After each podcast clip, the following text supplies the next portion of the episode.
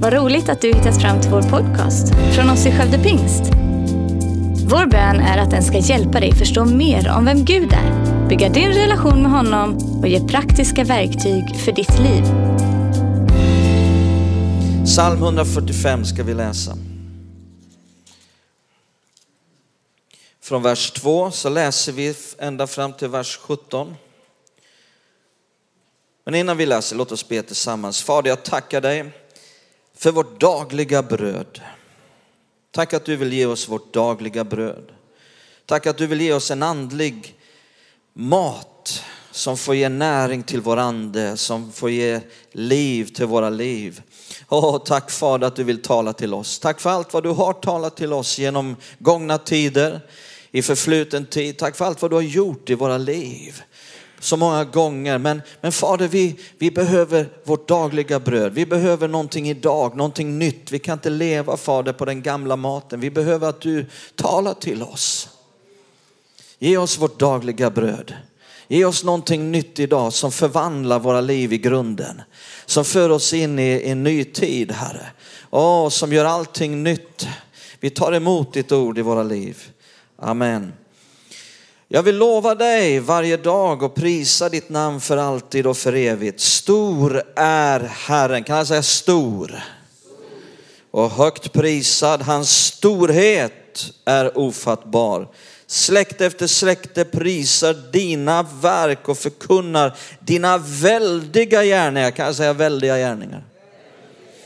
Ditt majestäts ärlighet och ära och dina underbara verk vill jag begrunda. Dina väldiga gärningars makt ska man tala om och din storhet ska jag förkunna.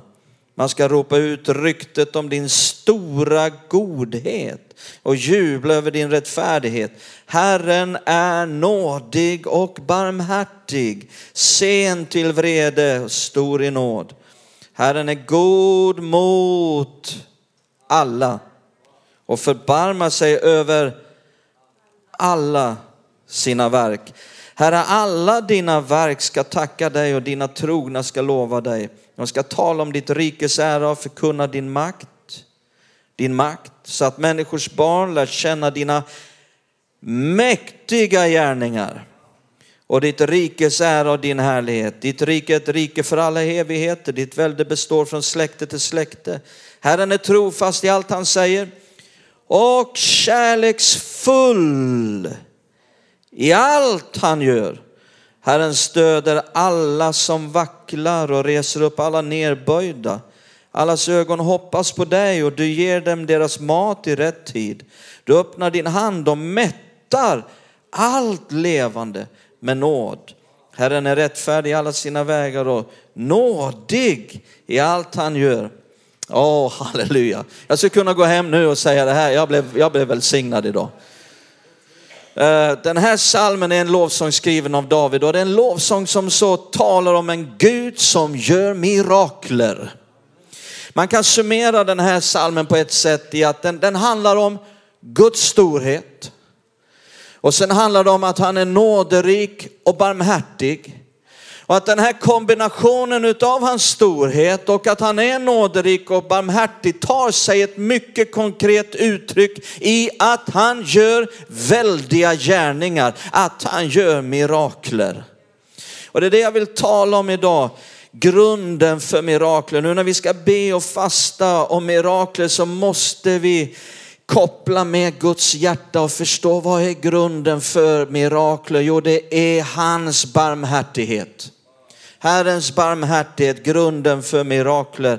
För titta vad det står här i vers 8 och 9. Mitt, mitt i den här salmen så står det Herren är nådig och barmhärtig, sen till vrede och stor i nåd. Herren är god mot alla och förbarmar sig över alla sina verk. Gud är nådig och barmhärtig. Men vad betyder det? Vad handlar det om? Ja, det är så mycket mer än bara en religiös fras. Gud är nådig och barmhärtig. Alltså det, det, det, är så mycket mer än en religiös fras. Det är någonting som har en mycket praktisk konsekvens för oss och för våra liv. Att han är nådig och barmhärtig. I den engelska översättningen, King James version, så står det inte barmhärtig, nådig, nådig och barmhärtig, utan istället för barmhärtig så står det full of compassion. full of compassion, full av medlidande. Det vill säga det hebreiska ordet här som är översatt med barmhärtighet kan lika gärna översättas med medlidande. Och det är likadant i det grekiska språket. Eh, så det här ordet, själva betydelsen är att ömt älska.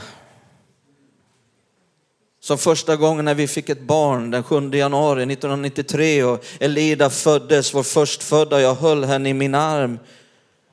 Att ömt älska är vad det här hebreiska ordet betyder. Det betyder att ha medlidande, medömkan, att hysa förbarmande eller barmhärtighet, att man drivs av en ivrig, angelägen, stark längtan att få avhjälpa problemet.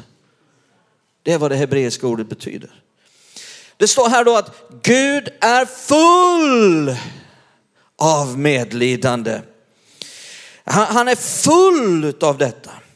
Han är inte fylld av att tycka synd om dig. Han är fylld av medlidande. Han är, han är inte fylld av, att, av sympati. Han är fylld av en oändlig, djup, helt obegränsad empati.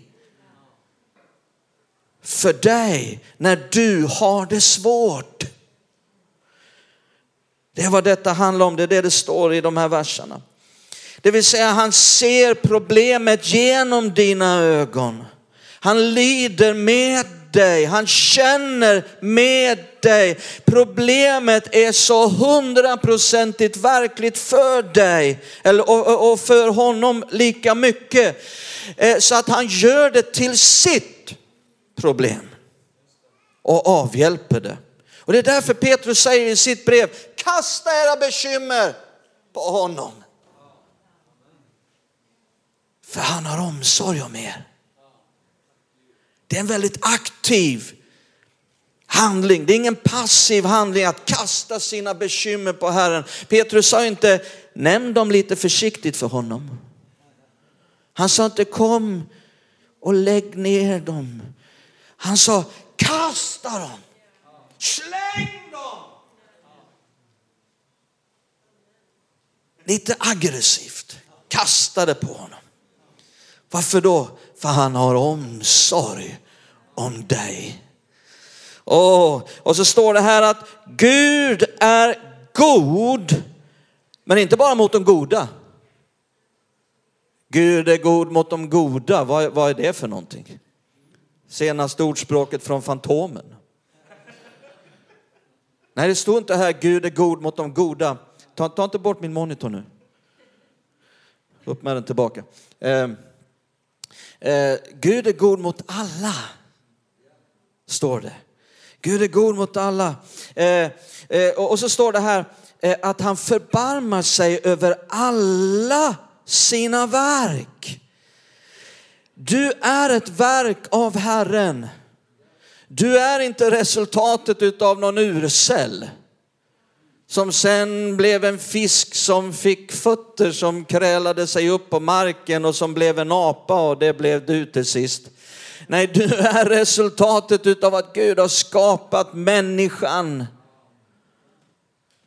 Du är ett verk. Och så står det att Gud förbarmar sig över, hur många? Alla sina verk. Det vill säga du kan skriva in ditt, ditt, ditt namn där. Jag kan skriva in mitt namn där. Jag älskar att bara få skriva in mitt namn där och, och, och, och läsa det här och tala med Gud om det och, och, och säga Gud, du förbarmar dig över Sven Bengtsson. Det gäller dig det här. Det gäller alla. Eh, och frågan blir sen, vad inkluderas i Herrens barmhärtighet? Vad handlar det här om? Vad inkluderas i detta? Och vet du vad? Det är det som Jesu liv mer än någonting annat visar. Hans tjänst, vad han gjorde här på jorden, det är just det som är i huvudfokus i hela Jesu tjänst. Han, Jesu liv, hans tjänst är bara en stor display på Herrens barmhärtighet. Det är där vi ser vad det inkluderar. Så titta här med mig i Markus kapitel 1. Markus kapitel 1. Vers 40 till 42. En spetels kom fram till honom och föll på knä och bad, om du vill kan du göra mig ren. Han, han är lite frågan om Jesu vilja, om, om, Gud, om Gud vill. Då står det Jesus förbarmade sig. Jesus förbarmade sig. Ser ni här? Och räckte ut handen och rörde vid honom och sa, jag vill bli ren. Genast försvann spetälskan från honom och han blev ren. Det skedde ett mirakel. Varför skedde ett mirakel? För att Jesus förbarmade sig. Titta i Matteus 20. Matteus 20, vers 29. Vi skulle kunna läsa jättemånga bibelställen här, men jag, vi kanske ska göra det då. Matteus 20. Några stycken. Matteus 20 eh, och vers 29 eh, eh, till 34. När de nu var på väg ut ur Jeriko följde mycket folk med honom. Två blinda satt där vid vägen och när de fick höra att Jesus gick förbi ropade de, vad då? Förbarma dig över oss, Herre Davids son. Folket sa åt dem strängt att vara tysta, men de ropade bara ännu högre. Förbarma dig över oss, Herre Davids son. Jesus stannade och kallade dem till sig och frågade, vad vill ni att jag ska göra för er? De svarade honom, Herre öppna våra ögon. Vad står det sen? Då förbarmade han sig och, Jesus och rörde vid deras ögon. Genast kunde de se och de följde honom. Titta också med mig Matteus 14. Matteus 14, vers 13 till 14. När Jesus hörde detta drog han sig undan därifrån med en båt till en öde plats där de kunde vara för sig själva. Men folket fick höra det och följde efter honom till fots från städerna. När han steg ut ur båten såg han en stor skara människor och han förbarmade sig över dem och botade de sjuka bland dem. Så det första vi ser här är att helande är barmhärtighet. Jesus han botade inte de sjuka för att han skulle bevisa att han var Guds son. Han botade därför att han drevs av att han var full av medlidande. Men där är att han botar de sjuka, full av medlidande, så bevisar han att han är Guds son.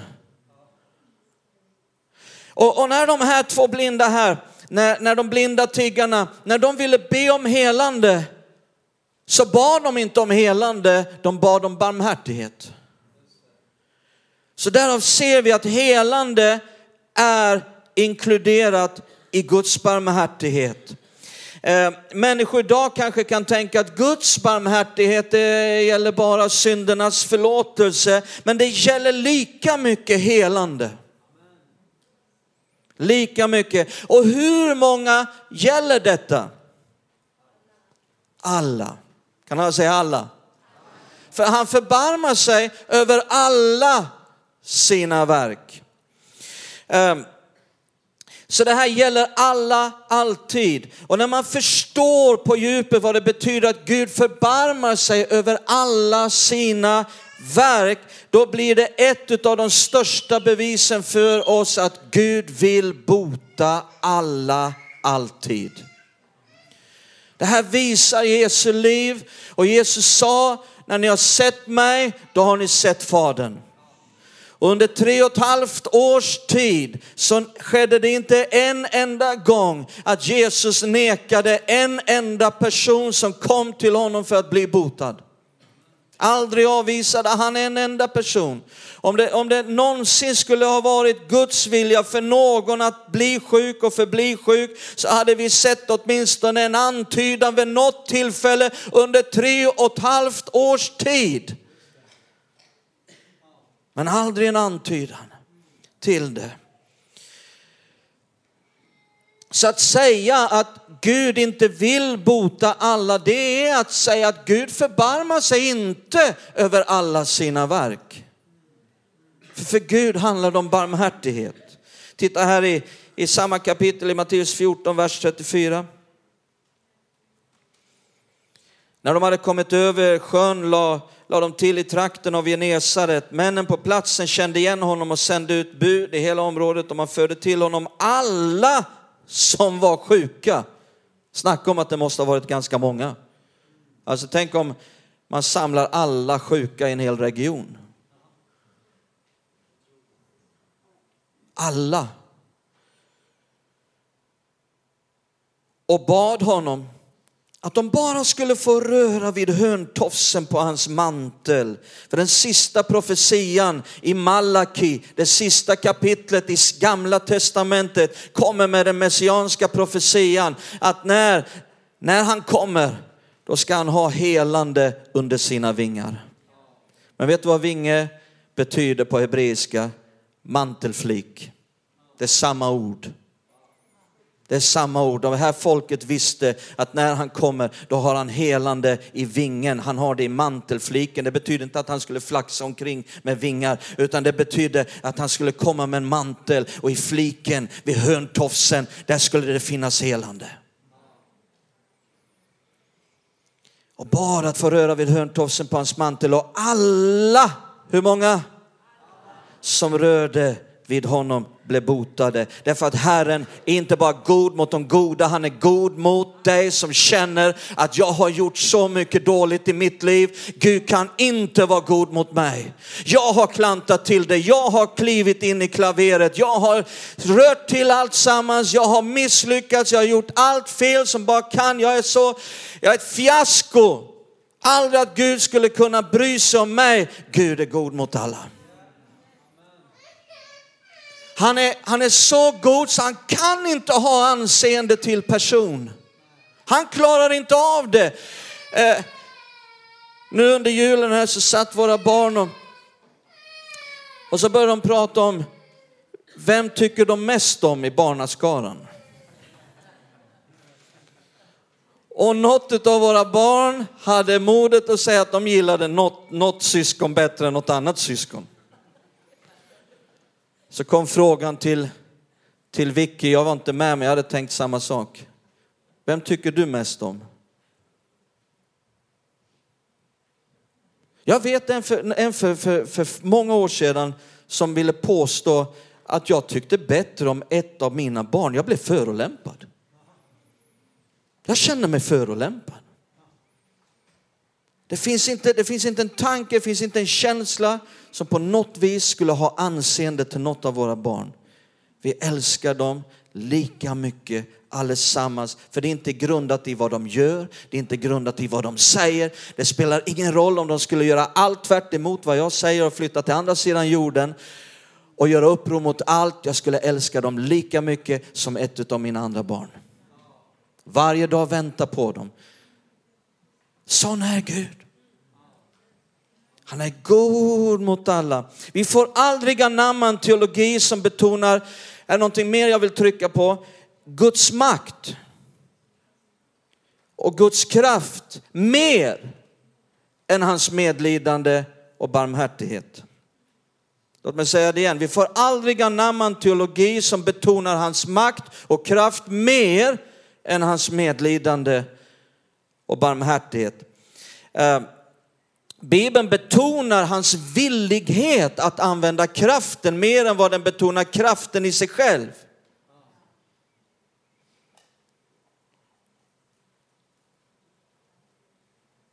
Men det finns teologi som slår fast bortom alla tvivel att Gud förmår allting, hans makt är oändlig och det, det gör att man blir, får en robust, bergfast tro på, att, på Guds makt och Guds kraft, men som samtidigt sår ut tvivel på om Gud vill. Och den teologin får vi aldrig anamma. Därför att det verkar som att Gud hellre vill att vi tvivlar på hans förmåga än att vi tvivlar på hans vilja. Alltså det är samma sak för mig som pappa i min relation till mina barn. Hellre att de tvivlar på om jag kan än om jag vill. Hellre att mina barn skulle säga pappa vill hjälpa men han har inte råd. Han kan inte. Än att de skulle säga, pappa kan hjälpa, men han vill inte. Det skulle störa mig på djupet, det skulle skaka mig ända in i benmärgen om mina barn sa det. Hellre att de tvivlar på min förmåga än om jag vill. Och vet du vad? Allt vad fader heter på jorden har sitt namn efter honom, har sitt ursprung hos honom, är format efter honom ända in i djupet. Djur, djurvärlden vet det här, kan det här, men ibland är det som att människor inte kan det. Fråga vilket djur du vill. Fråga en kattmamma vad hon känner för sina barn. Eller en älg ko. Jag kom emellan en älgko och en kalv en gång, det gör jag aldrig om.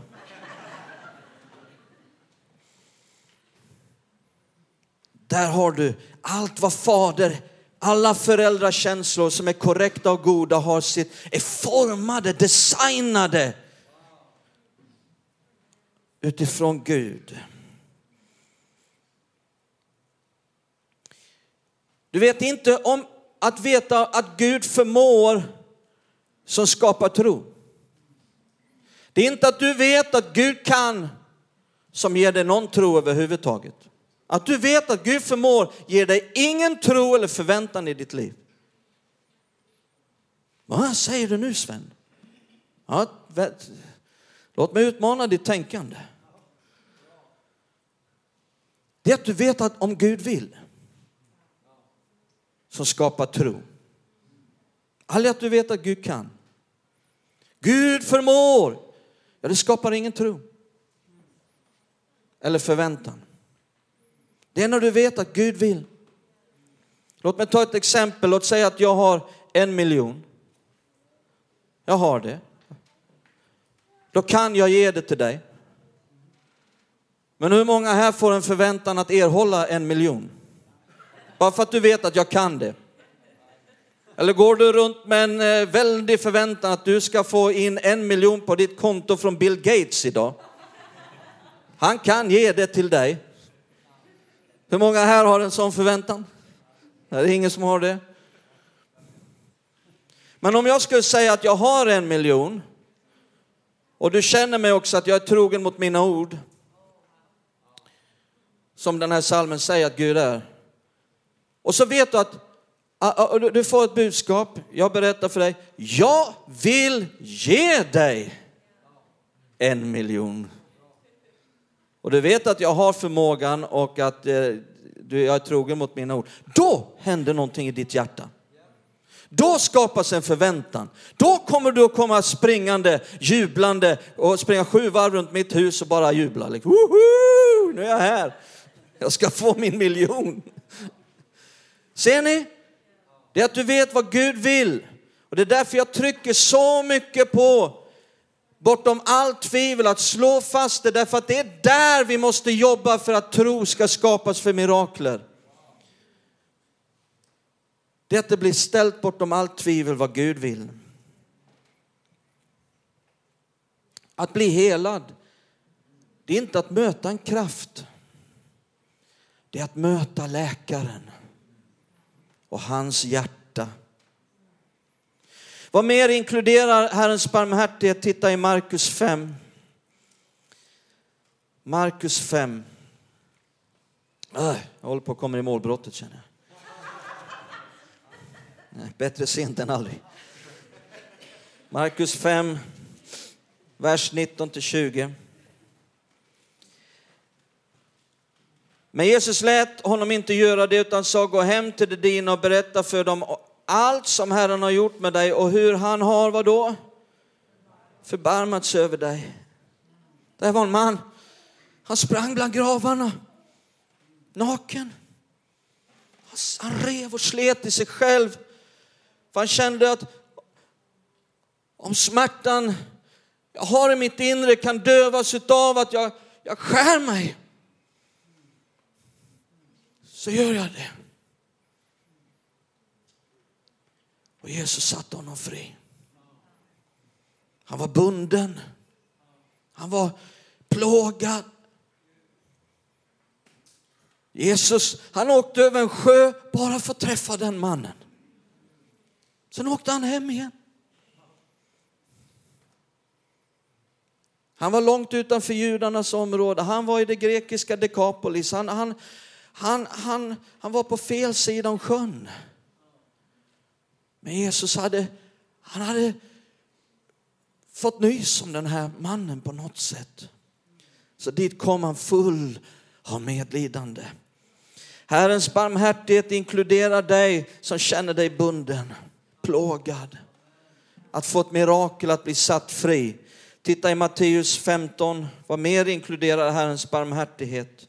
Vers 32. Matteus 15, 32.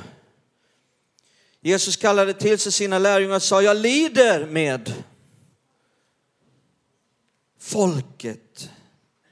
Nu har de varit hos mig tre dagar, de har inget att äta. Jag vill inte skicka hem dem hungriga för de kan bli utmattade på vägen. Han hade satt sig in i deras, att bli utmattad, att vara hungrig. Och så står det, jag lider med. I gamla översättningen står det, jag, jag har fått ont. Det gör mig ont. Och vad handlar det om? Det handlar om dig som behöver ett ekonomiskt mirakel. Det handlar om dig som, in, som inte kan lösa det här själv. Det är helt omöjligt på mänskliga vägar att fixa det här. Du är i en knipa, du är i en situation, du behöver försörjning. Jesus har satt sig in i ditt behov och han vill ge dig ett mirakel. Titta i Matteus 9, vad mer inkluderar Herrens barmhärtighet? Matteus 9 och 35. Jesus gick omkring i alla städerna och byarna och han undervisade deras synagogor och förkunnade evangeliet om riket och botade alla slags sjukdomar och krämpor. När han såg folkskarorna förbarmade han sig. Vad gjorde han? Över dem, för de var härjade och hjälplösa som får utan herde. Och han sa till sina lärjungar, skörden är stor men arbetarna är få. Be därför skörden så här att han skickar ut arbetare till sin skörd. Och titta nu nästa vers. Ja men det är ju ett nytt kapitel. Ja men det, det, de skrev ju inte kapitel och vers. Utan det fortsätter. Jesus kallade till sig sina tolv lärjungar, gav dem makt att driva ut orena andar och bota alla slags sjukdomar och krämpor. Och så sänder han ut de tolv lärjungarna att göra samma sak som han själv gjorde. Det här måste multipliceras nu. Och varför sände han ut dem i deras missionsuppdrag? För att han hade förbarmat sig, han hade blivit full av medlidande för de var härjade och illa medfarna. Så vad inkluderar Herrens barmhärtighet är att han sänder ut. Att vi sänder ut Anneli här idag. Att Herren sänder ut Anneli. Det är för att han har sett människor i Nordafrika som är illa medfarna, som är helt vilsna, som inte har något ljus att följa eller gå på, som aldrig har hört talas om Jesus, för att de ska bli räddade. Det är hans medlidande som gör att vi håller på med det. Markus 6, vad mer inkluderar Herrens barmhärtighet? Markus 6 och 34. När Jesus steg ur båten såg han en stor skara människor. Han förbarmade sig över dem, för de var som får utan herde och undervisade dem grundligt. Varför vill vi undervisa? Varför vill vi lärjungaträna? Det är för att Herren har sett människor som är vilsna, som behöver hans undervisning som behöver hans ord. Det är därför vi alla deltar i det. Det är inte bara jag som gör det, det är du som gör det. Vi alla är kallade till att göra folk till lärjungar, att ta täten, att bli en ledare, att visa det här har jag lärt mig. Jag har vandrat med Jesus den här sträckan och jag kan visa dig ett och annat utifrån mitt liv. Följ med mig, kom med i vår connect-grupp. Vi, vi, vi, kan ge dig ett Guds ord, vi kan ge dig Jesu ord. Så att du slipper vara, det, det är för att Jesus har sett människor som är vilsna. Undervisning. Titta i Lukas 7, en sista sak här bara som Herrens barmhärtighet inkluderar. Och jag säger inte att, det är, att nu har vi täckt allting. Utan vi har sett några saker. Lukas 7, vers 11, så står det, därefter gick Jesus till en stad som heter Nain och hans lärjungar och mycket folk följde med honom. Jesus, just som han närmade sig stadsporten bar man ut en död. Han var sin mors enda son och hon var änka. En stor skara från staden gick med henne. När Herren såg henne förbarmade han sig över henne. Vad gjorde han? Förbarmade sig och sa till henne, gråt inte. Sedan gick han fram och rörde vid båren. Bärarna stannade och han sa, unge man, jag säger dig, stå upp. Då satte sig den döde upp och började tala och Jesus överlämnade honom åt hans mor. Herrens barmhärtighet inkluderar i att uppväcka det som är dött. Och kanske du har någonting i ditt liv som har dött. Det kan vara ett äktenskap som har dött. Och man lever bara under samma tak. Herren vill ge nytt liv. Ett mirakel där, där någon tänker det, det, är omöjligt, det går inte, det går inte att fixa, det är bortom all hjälp, det, det är för sent. Herren kan göra ett mirakel därför att han förbarmar sig. Han känner vad du känner, han har sett dina tårar, han säger gråt inte, här ska ske ett mirakel. Det är det vi fastar, det är det vi ber för. Kanske det finns en dröm som har blivit begraven, som du har haft i ditt liv. Herren är här för att uppväcka det som är dött. Kanske du hade en, någonting som du ville få se i ditt liv, men det dog. Och du har begravt det och du känner det är omöjligt. Och det kanske är omöjligt för, för oss människor, men det är möjligt för han, för han är stor. Men han är inte bara stor, han är nåderik och barmhärtig. Och den kombinationen leder till mirakler. Åh, titta här nu, vi avslutar i psalm 145. Vi går tillbaka till psalmen där vi började och så läser vi de två sista verserna. Nej, ja, två verser i alla fall. Titta, psalm 145 igen.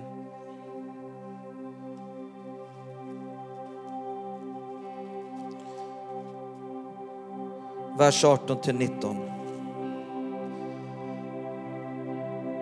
Så står det, Herren är nära alla som, vad då?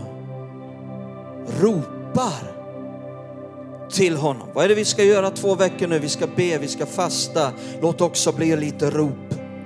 Låt det bli lite nöd. Låt det få gripa dig. Låt det få bli lite vånda